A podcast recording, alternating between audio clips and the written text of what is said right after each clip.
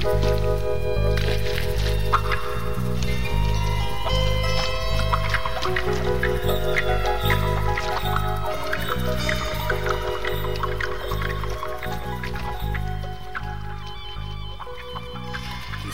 drypp ved Terje Ellefsen.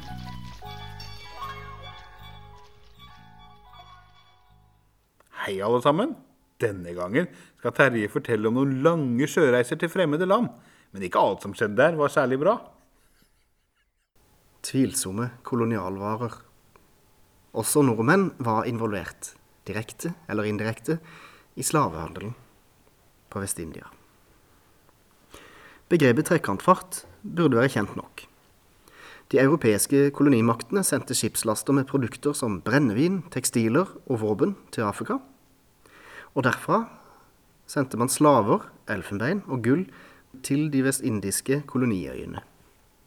Fra Vest-India returnerte skuddene med typiske kolonivarer som sukker og tobakk til Europa. Danmark-Norge tok aktivt del i trekantfarten, bl.a. med den velkjente fregatten Fredensborg. Den var den andre av sitt navn og var i bruk fra 1753. Eieren var da Det vestgenesiske kompani i København. Kolonialvarene fra dansk Vest-India ble alltid sendt til København før de så kunne spres utover riket. I 1792 kom forordninga som forbudte slavehandel i Danmark-Norge og i koloniene. I løpet av ti år skulle det være forbudt å frakte slaver fra Afrika til koloniene. Men sjøl med det forbudet, verdens første i sitt slag, ble det ikke slutt på plantasjeslaveriet i danske Vest-India før 1848. Det var kun handelen med slaver og ikke selve slaveholdet som ble stoppa. Det betyr at slavebarn på plantasjene vokste opp som slaver også etter at skipene hadde slutta å frakte nye slaver over fra Vest-Afrika. Kongen eide på denne tida tre vestindiske øyer, nemlig St. Thomas, St. Jan og St. Croix. Det danske vestindiske kompani hadde annektert St. Thomas i 1672 og St. Jan i 1675, men i 1733 kjøpte de St. Croix av det franske vestindiske kompani. Vest-India-kompaniet gikk konkurs i 1755, noe som førte øyene direkte under tronens kontroll. Med unntak av britisk okkupasjon under napoleonskrigene, henholdsvis i 1801-1802 og 1807-1815, forblei øyene danske helt fram til 1917. Da ble dansk Vest-India solgt til USA for svimlende 25 millioner dollar. På øyene bodde det rundt 20 000 mennesker hvorav under en tidel hvite mennesker. Danske og noen få norske innbyggere utgjorde aldri noen stor gruppe, da de fleste hvite innbyggerne hadde sitt opphav på de britiske øyer eller i de nordamerikanske koloniene.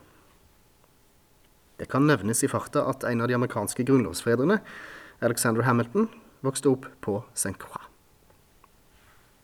I det nybygde Ole Olsen-bygget i Lillesand bodde det i 1762 en skipsfører, reder og kjøpmann som het Thomas Stenersen. Han var både en aktiv sjømann, med mange reiser over Nordsjøen og i Østersjøen, og en aktiv part i det lille strandstedets liv. Det var faktisk i Thomas Stenersens hus at Christian Lofthus ble arrestert 15.3.1787.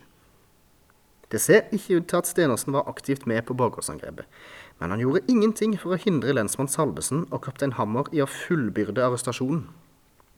Da Lofthus-tilhengerne på land prøvde å få matrosene om bord i Stenersens skude til å stoppe Hammer og Salvesen fra å ro unna med fangen, så ropte Thomas Stenersen til matrosene sine at de skulle la være. Han ville neppe provosere myndighetene. Det kan verken bekreftes eller avkreftes, men det er ikke usannsynlig at han følte seg upopulær i Lillesand etter arrestasjonen.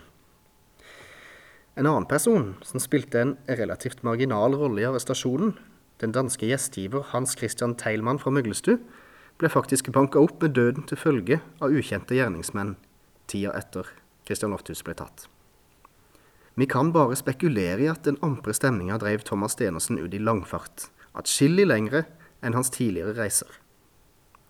Han må samme år ha satt kursen vestover til de danske koloniene i Amerika. Der lasta han om bord en del sukker og rom. Thomas Stenersen kom seilende fra St. Croix i dansk Vest-India i et skip drektig 114 lester og ble tollklarert for fire riksdaler i Øresund 28.9.1787. Hans reisemål var hovedstaden København, hvor som sagt alle kolonialvarer måtte i land. Et par uker seinere, 13.10, satte han igjen kursen ut fra København til Kristiansand, lasta med diverse varer. Han har neppe brukt mer enn ei uke opp til Norge. Dette var etter alt å dømme den eneste ferden Thomas Stenersen tok til dansk Vest-India, og etter dette seilte han ikke gjennom Øresund til hovedstaden før tre år seinere, sommeren 1790. Om han seilte andre steder i Europa i disse årene, det vides ikke. Noen år seinere dro sønnen Stener Stenersen på lignende ferd. I januar 1792 hadde han fått sitt skipperbrev i Kristiansand, men allerede i november samme år forsvant både faren Thomas og storebroren Nils til sjøs da de var på vei hjem fra Malaga.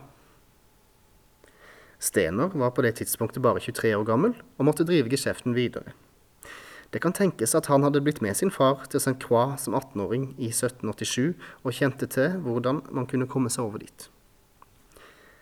I 1793 dro han i hvert fall over Atlanterhavet til dansk Vest-India.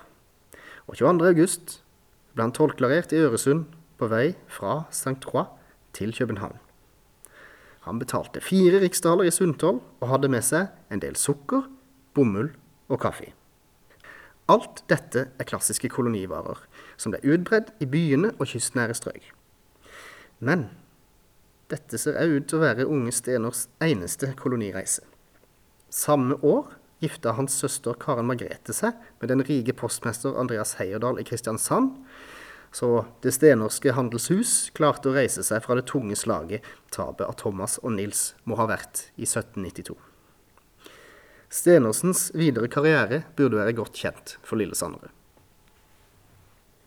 Naturligvis er slavehandel og slavehold en for oss utenkelig og fæl måte å utnytte mennesker på. For dansker og nordmenn, som andre europeere, var kolonialvarene høyt verdsatt i samtida. Men for mange må det at slaver produserte disse varene, være like fjernt fra tankene som moderne menneskers forhold til kjøtt i matbutikken. Vi ser ikke dyret som slaktes, de så ikke slavene som sleid på plantasjene. Varene når oss pent innpakka og klare til bruk.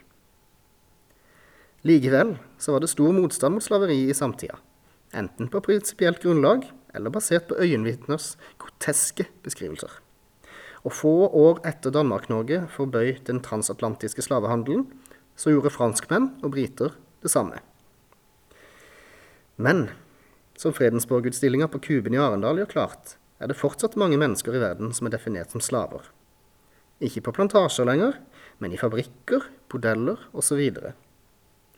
Mange varer som vi importerer hit i dag, er produsert av ufrie hender, med bakmenn som tjener seg rike. På sett og vis har lite forandra seg. Formen er forskjellig, men fenomenet lever videre.